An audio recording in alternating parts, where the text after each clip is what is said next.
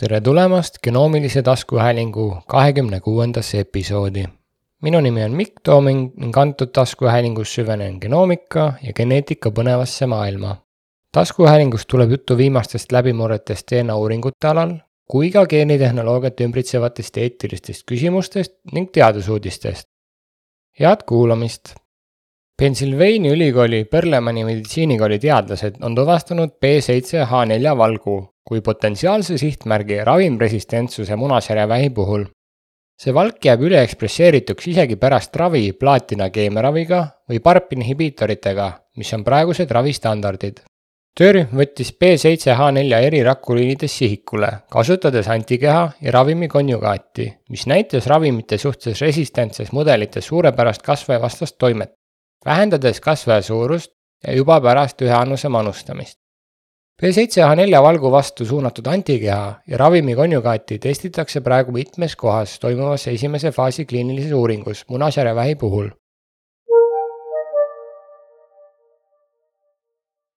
uued uuringud on näidanud, et metagenoomiline sekveneerimine võimaldab teha otsuseid antimikroobse resistentsuse ravimise kohta palju kiiremini kui tavalised laboratoorsed testid.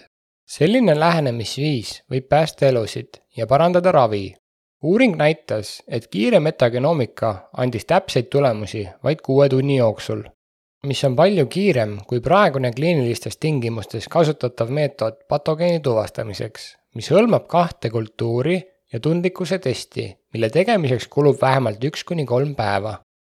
uuringut esitleti sel nädalal Kopenhaagenis toimuval iga-aastasel Euroopa kliinilise mikrobioloogia ja nakkushaiguste kongressil ECMID uuringut juhtis Kumeren Covendor Oxfordi ülikoolis John Radcliffe'i haiglast Ühendkuningriigis.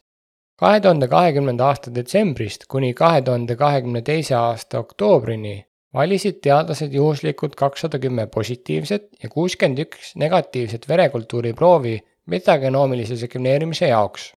Nad kogusid need proovid Oxfordi ülikooli haigla mikrobioloogia laborist. DNA sekveneeriti Oxford Nanopore Grid Ion platvormi abil sekveneerimine suutis tuvastada üheksakümmend üheksa protsenti nakkustekitajatest, sealhulgas polümikroopseid infektsioone ja kontaminante ning andis negatiivseid tulemusi sajaprotsendilise kultuuri negatiivsetest proovidest. mõnel juhul tuvastas sekveneerimine tõenäolised nakkuse põhjused, mis jäid rutiinsete kultuuride abil tuvastamata ning mõnel juhul tuvastas see kultiveerimata liike, mille puhul ei olnud võimalik tulemust kindlaks teha sekveneerimist saab kasutada ka kümne kõige levinuma nakkuse põhjustaja antibiootikumi resistentsuse tuvastamiseks. traditsiooniliste kultuuridel põhinevate testide ja sekveneerimise tulemused langesid üheksakümne kahe protsendi ulatuses kokku. samasuguse tulemuse sai ka toorlugemite põhjal pärast vaid kahetunnist sekveneerimist, üldine vastavus oli üheksakümmend protsenti. keskmine aeg proovi ekstraheerimisest kuni sekveneerimiseni oli neli tundi kusjuures AMR-i täielik ennustamine toimus kaks tundi hiljem. teadlased usuvad, et metagenoomika on võimas vahend patogeensete organismide ja antimikroobse resistentsuse kiireks ja täpseks diagnoosimiseks, mis võimaldab tõhusat ravi varem, kui seda oleks võimalik teha tavapäraste kultuurmeetodite abil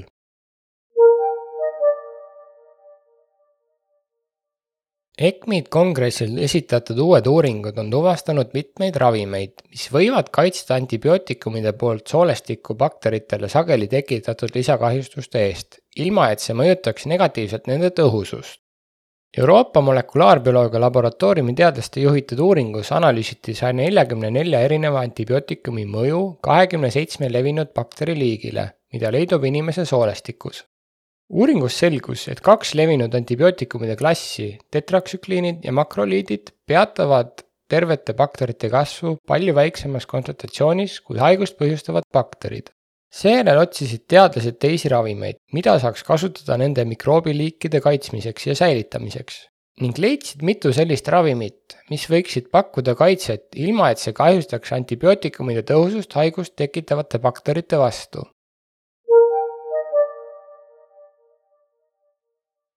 Ühendkuningriigis asuv biomodal, varem tuntud kui Cambridge Epigenetics, on välja toonud uue toote, mis võimaldab ühe sekveneerimise töövoo abil koguda geneetilist ja epigeneetilist teavet DNA-st.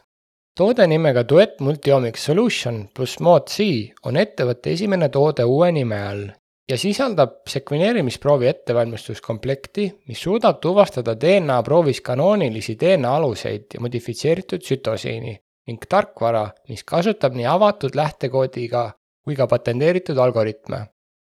biomodali tehnoloogia kasutab iga baasi tuvastamiseks kahe baasi kodeerimise strateegiat koos sütosiinide metüleerimisstaatusega ettevõte usub, et tema tehnoloogia suudab tabada kõik teabemõõtmed lugemise tasandil, mis on kriitilise tähtsusega vedelate biopsiad analüüside ja muude diagnostiliste rakenduste jaoks.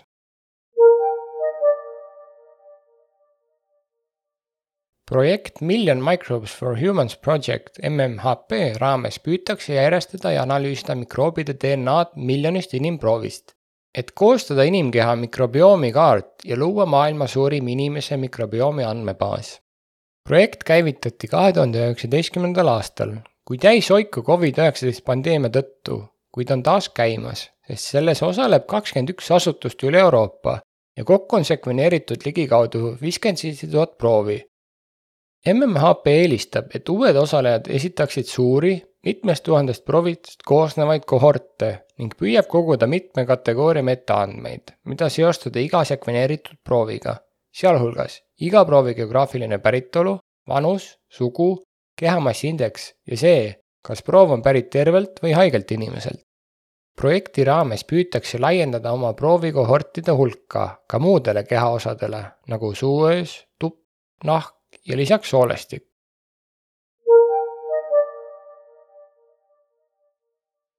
Oxford Nanopore Technologies ja Biomereö on sõlminud partnerluse nakkushaiguste in vitro diagnostilise testide väljatöötamiseks, kuigi finantstingimusi ei ole veel avalikustatud. partnerluse eesmärk on tuua nanopoorse sekveneerimise nakkushaiguste diagnostika turule, kusjuures koostöö esialgsed valdkonnad hõlmavad IVD testi väljatöötamist antibiootikumi resistentsete tuberkuloosi määramiseks ja testi patogeenide tuvastamiseks tavalistelt steriilsetes kliinilistes proovides samuti kavatsevad ettevõtted valideerida Oxford Nanopore'i sekveneerimisplatvormi koos Biomereö rakendusega Episec, mis on mõeldud kiireks infektsioonipuhangute seireks patsientide hooldamisel.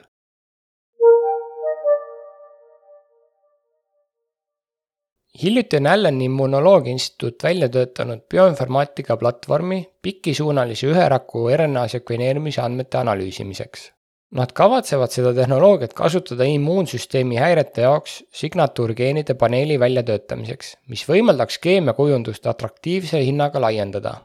see suudaks single-cell RNA seki kättesaadavamaks kliinilise vahendina immuunsüsteemi ja muuhulgas ka mujal. tehnoloogia, mida nimetatakse Palmox, koosneb viiest moodulist, mis võimaldavad analüüsida pikisuunalisi lahtiseid ja üheraku multioomika andmeid hiljuti ajakirjas Nature Communications avaldatud uuringus määrasid Allan instituudi teadlased kahtesaja kahtekümmet geeni kui rakutüüpide tõenäoliseid biomarkereid, mis võivad viidata immuunsüsteemi haigustele, sealhulgas grippidele ja Covid-19-le.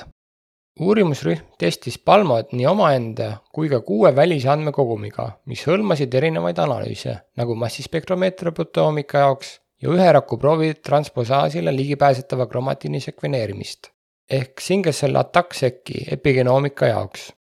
Palmo edestas teisi laialt levinud tarkvarasid nagu Variance Partition ja Seurat.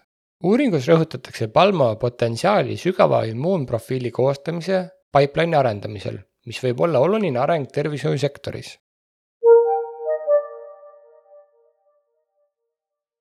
Illumina ja Ravgen on jõudnud konfidentsiaalse kokkuleppeni seoses nende kohtuvaidlustega, milles väidetakse, et Illumina on rikkunud kahte Ravgeni patenti, mis hõlmavad mitteinvasiivset sünnieelset testimist. Kohtuhagi esitati kahe tuhande kahekümnenda aasta detsembris, kusjuures Ravgen süüdistab Illuminat patendi rikkumises, mis hõlmab meetodeid emade vereproovides olevate rakkuvaba DNA kõrvalekallete tuvastamiseks. Ravgeni patendid on seotud tuvastamismetoodikatega, milles kasutatakse ainet, mis pärsib emade vererakkude lüüsi ja tuvastab kõrvalekallete esinemisele viitavate alleelide suhtarve. Ravgen on varasemalt saavutanud kahesaja seitsmekümne kolme miljoni USA dollari suuruse kohtuotsuse Laboratory Corporation of America vastu ning kokkuleppeid Quest Diagnosticsi ja Birkin Elmeriga. lepingu tingimusi ei ole avalikustatud.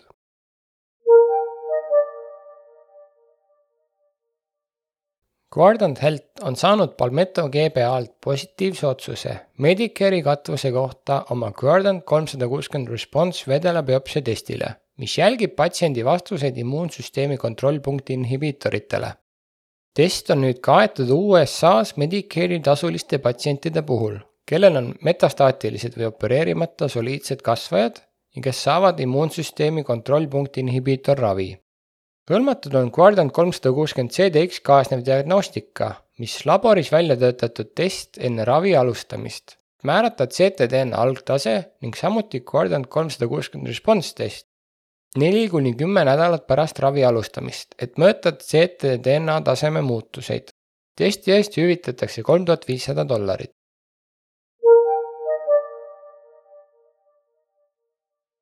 Thermo Fisher Scientific tõi Euroopa kliinilise mikrobioloogia nakkushaiguste kongressil turule esimese oma kolmekümne seitsme C-IVD märgisega reaalaja PCR-i analüüsi komplektist, mis on peamiselt mõeldud nakkushaiguste tekitajate testimiseks. Komplektid võetakse järk-järgult kasutusele aasta jooksul, alustades sugulisel teel levivate ja verega levivate infektsioonide nagu klamüüdia, gonorrea ja HIV testidega enne kui liigutakse hingamisteede infektsioonide, siirdatud ja immuunpuudulikkusega patsienti infektsioonide, hepatiidi, trombootiliste mutatsioonide ja vektorite kaudu levivate haiguste testide juurde.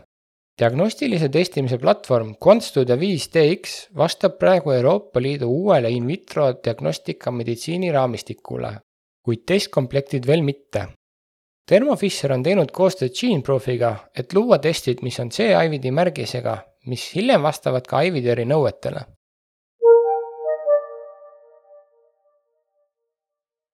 Myriad Genetics ja Intermountain Precision Genomics on saanud New Yorgi osariigi tervishoiuministeeriumilt loa müüa oma testide paketti, mida nimetatakse Precise Oncology Solutions patsientidele selles osariigis komplekti kuuluvad Myriad MyRisk Hereditary Cancer Test ja MyChoice CDX, samuti Intermountaini Theramap tuumoriprofiili test. see sertifitseerimine võimaldab Myriad Geneticsil pakkuda soliidtuumorite testimist kõigis viiekümnes osariigis. Myriad Genetics onkoloogia valdkonna presidendi Michael Leonsi sõnul on see sertifitseerimine oluline samm edasi täppismeditsiini edendamisel, kuna see suurendab juurdepääsu geneetilistele testidele mis aitavad vähihaigetel ja nende tervishoiuteenuse osutajatel teha sihipärasemaid raviotsuseid.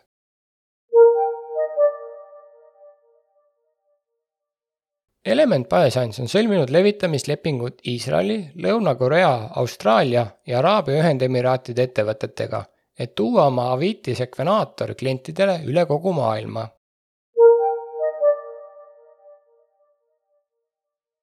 Roche'i tütarettevõte Foundation Medicine on koondanud umbes sada kolmkümmend viis töötajat ehk umbes seitse protsenti oma kogu tööjõust. Ettevõte teatas, et koondamised on osa lahjema organisatsioonilise struktuuri vastuvõtmisest, et parandada paindlikkust, strateegilist selgust ja prioriteetide seadmist. üksikasju selle kohta, milliseid ettevõtteid valdkondi koondamised mõjutavad, ei ole veel avalikustatud. see samm tuleneb paljudest vallandamistest teiste vähimolekulaarsete testimisettevõtete nagu Guardant Health ja Natera poolt, kes samuti viimastel kuudel on töötajaid lahti lasknud. Foundation Medicine'il on LinkedIni andmetel ligikaudu tuhat üheksasada töötajat. kui märkasid mõnd huvitavat uudist või sul on küsimusi, saad mulle kirjutada genoomiline at gmail.com, leiad mind ka Instagramist. tänan, et olid minuga ja head sekveneerimist